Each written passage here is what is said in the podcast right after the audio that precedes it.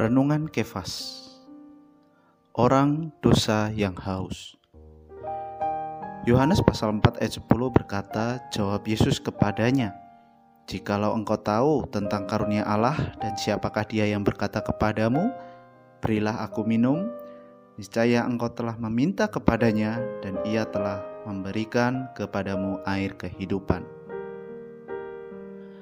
Baik para ilmuwan, petani, pekerja, pedagang, dan lain-lainnya, semuanya dalam keadaan haus. Ada yang haus akan ilmu, ada yang haus akan kedudukan, ada yang haus akan uang, haus akan nama, semuanya haus. Tidak ada yang tidak haus. Kehausan ini menyebabkan manusia selalu sibuk, baik lahir maupun batin, siang maupun malam. Manusia mencari kesenangan ini dan itu, mencari hiburan beraneka ragam Tujuannya juga untuk meleraikan hausnya. Tetapi dari hiburan dan kesenangan itu, entah berapa banyak orang yang terseret ke dalam dosa, jatuh ke dalam lembah kenistaan.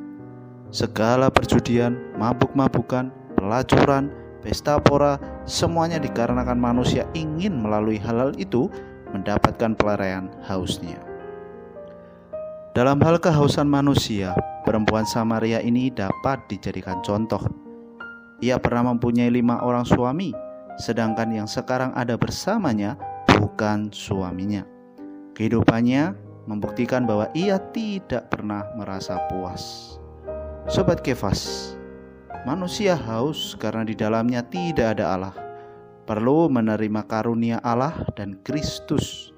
Yang diperlukan manusia tidak lain adalah diri Allah, hayat Allah, dan hanya inilah yang dapat meleraikan haus manusia.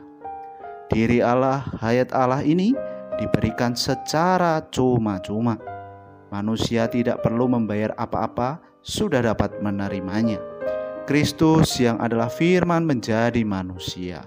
Allah menaruh dirinya dan hayatnya ke dalam Kristus dan dari Kristus disalurkan kepada manusia. Manusia yang percaya kepada Kristus dan menerima Kristus sudah menerima diri Allah. Terang hari ini, yang pertama, sudahkah kita menerima karunia keselamatan Allah? Kedua, apakah yang harus kita lakukan agar dapat menerima karunia keselamatan? Poin doa: berdoa, mengucap syukur karena Kristus yang adalah firman telah menjadi manusia sehingga hari ini kita dapat menerima karunia keselamatan. Amin.